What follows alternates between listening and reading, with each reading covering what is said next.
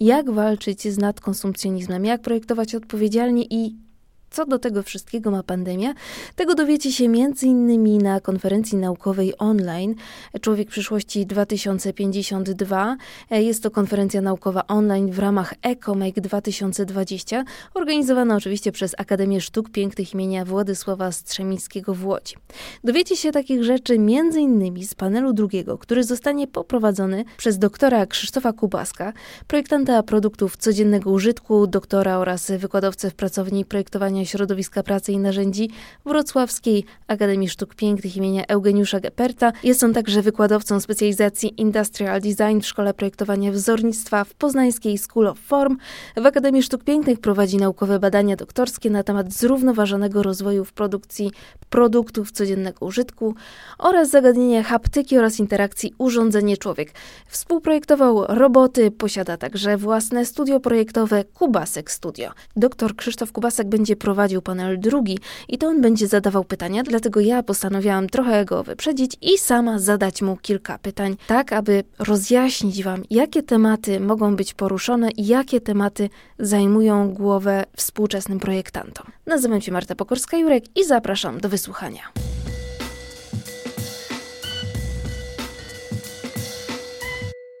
Będzie Pan prowadził panel Życie po życiu. Wierzy Pan w życie po życiu? To nie jest takie dosłowne życie po życiu w kontekście człowieka, ale bardziej życie po życiu w kontekście materiałów i produktów i wszystkich tych rzeczy, artefaktów, które produkujemy. Teraz zaczynamy dostrzegać e, i ten ślad węglowy, i że jednak ważne jest, z czego wykonane są E, produkty. Społeczna odpowiedzialność e, też rośnie. Pan jest bardzo mocno obyty w tej tematyce. Jako, jako projektant, jako, jako naukowiec także daje dobre rady i stosuje dobre praktyki. Czy jesteśmy już na tym etapie, że jest możliwe to, to danie drugiego życia i na czym ono polega? Jest więcej możliwości, jeżeli chodzi o współczesną technologię, bo to głównie o technologię chodzi.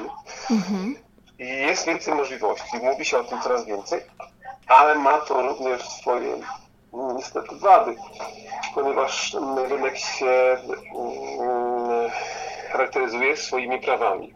To pewnie wszyscy wiedzą, mianowicie no, sprzedaż musi rosnąć, PKB musi być zaspokojone. I tak naprawdę rynkiem i w ogóle ekologią, co na tym idzie, dominują niestety inne prawa trochę. My tutaj jako aktywiści często lub świadomi, bardziej ekologiczni ludzie marzymy o tym, żeby świat był super cyrkularny, żeby wszystko się odbywało na zasadzie troski o, o środowisko, o, o odnawianie, o energię i tak dalej, ale jednak ten stary system wynikający z tej ostatniej rewolucji przemysłowej bazującej na węglu, no niestety wciąż ciągnie w dół. Zakłusy są duże, chęci są duże, są potencjalne e, prace nad takimi tematami, o których też paneliści będą mówić niektórzy, ale niestety wciąż ciągnie, ciągnie się za nami stara technologia i stara rewolucja przemysłowa bazująca na węglu, i transformacja tego zajmuje również dużo energii i dużo niestety czasu. Jak każda rewolucja przemysłowa zajmowała, pochłaniała jakieś straty, to ta również transformuje do energii odnawialnej. Co za tym idzie, no, duże będą e, koszty energetyczne i koszty środowiskowe prawdopodobnie. Mhm. A czy teraz jesteśmy o krok od rewolucji, a może już jesteśmy w czasie tej rewolucji? Ewidentnie jesteśmy w trakcie rewolucji, trzeciej rewolucji przemysłowej. Jest to rewolucja oparta na zmianie myślenia w kontekście nie tylko energetycznym, ale też społecznym, gdzie będzie dominował lateralny model y, władzy i również jakby zmiana struktury społecznej z posiadania na to, co ja sobie uważam, że będzie, z posiadania na wynajmowanie czy dzielenie, współdzielenie bardziej. O. I tutaj jakby w kontekście tej ekologii to nie tyle, że sam materiał yy, i samo zmniejszenie zużycia materiału, ale może zmniejszenia też produkcji w kontekście tego współdzielenia. Czyli będziemy bardziej dzielić się rzeczami, pożyczać rzeczy, wynajmować rzeczy, aniżeli posiadać rzeczy. A czy taka, no, to co się dzieje teraz na świecie, chodzi mi o pandemię, to może przyspieszyć tę rewolucję, czy może wręcz e, odwrotnie? Jak w ogóle e, pan jako e, naukowiec, obserwator e, no, życia projektu, w ogóle projektowania, e, zapatruje się właśnie na te zmiany w kontekście pandemii? Pandemia nam nam na pewno uświadomi pewne rzeczy.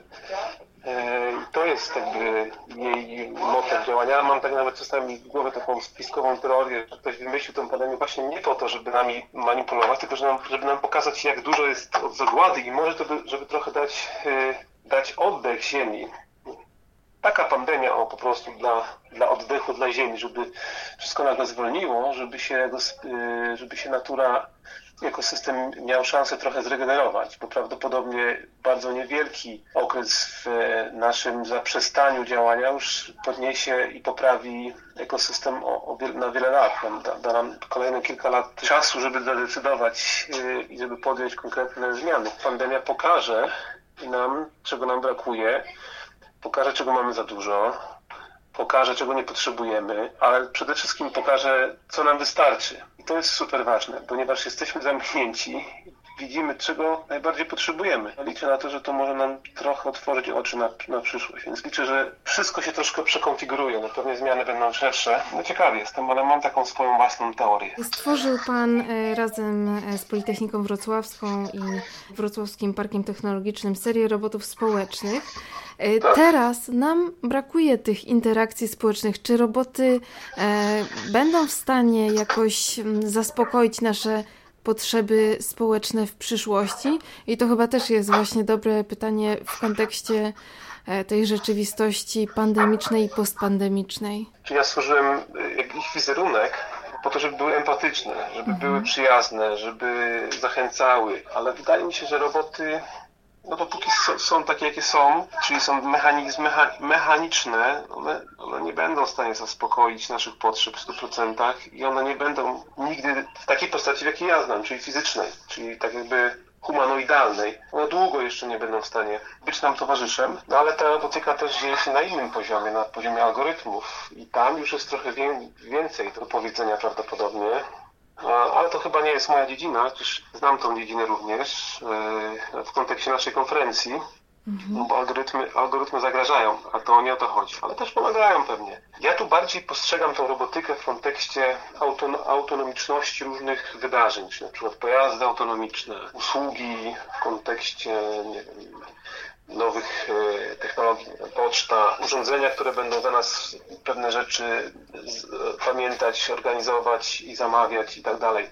Czyli bardziej ten taki, ta idea Internet of Things, czyli internet rzeczy, w której będą się działy e, rzeczy, no mam takie marzenie, takie, które nam będą pomagały w funkcjonowaniu. Czyli będą zaspokajały nasze potrzeby w kontekście, do których nie będziemy musieli pamiętać specjalnie. Czyli będą naszymi takimi pomocnikami ale nigdy nie będą naszymi towarzyszami do rozmowy. Prosty przykład, jeżeli sobie uruchomimy Siri na telefonie albo jakieś tam inne Google cloudowe urządzenia, to nie jest inteligentna rozmowa, która, która, która, która jest abstrakcyjną rozmową, która jest często rozmową filozoficzną, emocjonalną. Jest taki fajny film Ona, Her i tam właśnie jest to troszkę pokazane, że robot potrafi już tak autonomicznie myśleć i mówić jak człowiek i bohater się w niej zakochuje. No to byłoby super idealne, ale to jeszcze daleka droga. Co czytać, żeby wzbogacić właśnie swoją wiedzę? Gdzie są takie spostrzeżenia, z których e, Pan czerpie inspirację? Może jakaś jedna, dwie książki e, bądź nie, strony? Nie, mam kilka takich książek, ale jest jeden, bardziej powiedziałbym, że jest jeden autor, którego bardzo uwielbiam w kontekście tych zagadnień, które będziemy poruszać. Mhm. W zasadzie, który był inspiracją do mojego doktoratu. To jest e, człowiek, który się nazywa Jeremy Rifkin. Bardzo mądry człowiek, który był doradcą kanclerza Niemiec, e, Angeli Merkel, premiera Portugalii, był doradcą e, rządu francuskiego. On pisze o, w zasadzie o trzeciej rewolucji przemysłowej, bardzo dosłownie, nawet tak nazwał książkę Trzecia rewolucja przemysłowa, ale też pisze o społeczeństwie zerowych kosztów krańcowych, czyli o tym społeczeństwie, które w efekcie e, swojego działania nie przynosi strat. Nie tylko na polu ekologicznym, również na polu ekonomicznym. Bardzo, bardzo ciekawa książka. Ale jego książka też wcześniejsza, taka która jest taką trochę filozoficzną książką, opartą na bardzo szerokim spektrum jego zagadnień, e, które ma w głowie. To jest entropia. I on pokazuje właśnie, jak ta entropia się ma w gospodarce, jak ona się ma w życiu człowieka, łącznie z jego religijnością i tak dalej, i tak dalej. Jest jeszcze kilka innych książek, jak Wiktor Papanek na przykład, to chyba już klasyka. Don Norman, też James Strangle, który też mówi o wzroście jako siły, siły napędowej gospodarki. To są trochę takie bardziej zagadnienia z pogranicza gospodarczo-ekonomiczno-ekologicznych zagadnień. Czy, czy boi się Pan o przyszłość? Czy może e, gdzieś dzięki temu, że ta, ta świadomość rośnie, e, to jednak jest, jest nadzieja? Chciałbym powiedzieć to najbardziej optymistycznie jak mogę, żeby nie powiedzieć czy jestem pesymistą. Ja jestem sceptykiem w tym temacie bardziej. Trochę się obawiam, że możemy zaprzepaścić szansę, która się pojawia co chwilę i z nich znika. E, jeżeli tak będziemy e, eksploatować naszą, e, naszą, nasz ekosystem bez świadomości tego, do czego został on stworzony, że drzewo powinno rosnąć w lesie, to niestety z tego nic nie będzie. Czy później nas, nas to wszystko dopadnie no i tak sobie myślę, że to są powoli te, te momenty, w których powinniśmy się zreflektować. Jeżeli człowiek się nie zreflektuje teraz, no to będzie za późno. I raczej tutaj myślę, że jednak gospodarka i te wszystkie rzeczy systemowe, które się nie dzieją, trochę nie pomagają. Chciałbym wierzyć, że to jest, jest jakaś dobra droga ku temu, no ale może pandemia była właśnie po tym, że jeżeli nie potrafimy się zreflektować, to może zreflektuje nas coś innego, albo zmusi nas coś innego do tego. Na razie mam, mam mieszane uczucia. Słyszę, że ma pan dzieci, więc dzieci też motywują do tego, żeby jednak e, zmieniać ten świat na lepsze. Tak, dzieci motywują, żeby zmieniać świat na lepsze, żeby samemu też stać się lepszym, żeby im przekazać pewne wartości, które oni mogą potem przenosić wśród swoich znajomych, może w społeczeństwie i tak dalej, no bo od nich zależy przyszłość, już niestety nie od nas. No wierzę, że, że to wszystko jest jednak jak, ma jakiś, jakiś sens. No, konsekwencji, tak jak nas nie będzie, to natura sobie poradzi, tak? Więc prawdopodobnie będzie dobrze dla Ziemi. No tak właśnie doktoracie trochę pisałem o tym, że całe społeczeństwo zostało uświadomione, że, no, że plastik jest tak strasznie zły, a drewno jest fantastyczne w kontekście materiałowym. W badaniach wychodzi, że wystarczyłoby jedna rzecz. Wystarczyłoby, żeby dobrze zagospodarować odpady plastikowe i wyjęlibyśmy plastik bardziej ekologiczny niż drewno w tym ekosystemie, bo drewno najlepiej się sprawuje w miejscu, w którym rośnie, czyli pomaga nam zamieniać dwutlenek węgla na tlen, czyli coś, co dla nas jest konieczne do życia. Mhm. A tak się nie dzieje, bo z tego co wiemy, wycina się te lasy, deforestacja wcale nie maleje, postępuje. Jest mało ludzi, którzy mają świadomość tego, jak naprawdę jest i boję się, że ta świadomość nie jest tak dobrze rozpowszechniana, jak powinna być. Jest Pan e, doktorem, jest Pan e, projektantem aktywnym i na pewno ma Pan całą masę rad dla świata, jak ocalić ten świat, ale jedną, jedną i to właśnie ze swojego podwórka. Jakby Pan mógł powiedzieć jedną radę, jak ocalić ten świat. Pachonek napisał w swojej książce, że jedną rzeczą, którą projektanci mogliby zrobić, ale to już jest pewnie też klasyk, to po prostu zaprzestać działalności. Ja nie wiem, czy podpisuję się pod tym, raczej nie. Na pewno przestać projektować, produkować rzeczy niepotrzebne.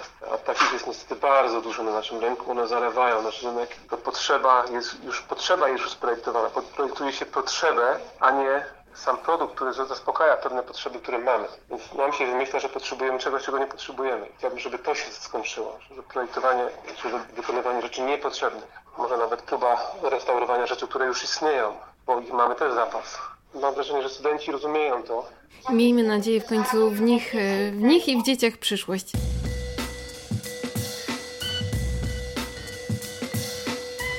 I to już wszystko na ten moment. Dziękujemy za wysłuchanie. Moim rozmówcą był dr Krzysztof Kubasek. Ja nazywam się Marta Pokorska-Jurek. Zapraszam do zaglądania na Facebooka Akademii Sztuk Pięknych oraz EcoMake, gdyż tam pojawią się wkrótce kolejne rozmowy z kolejnymi prelegentami. Do usłyszenia.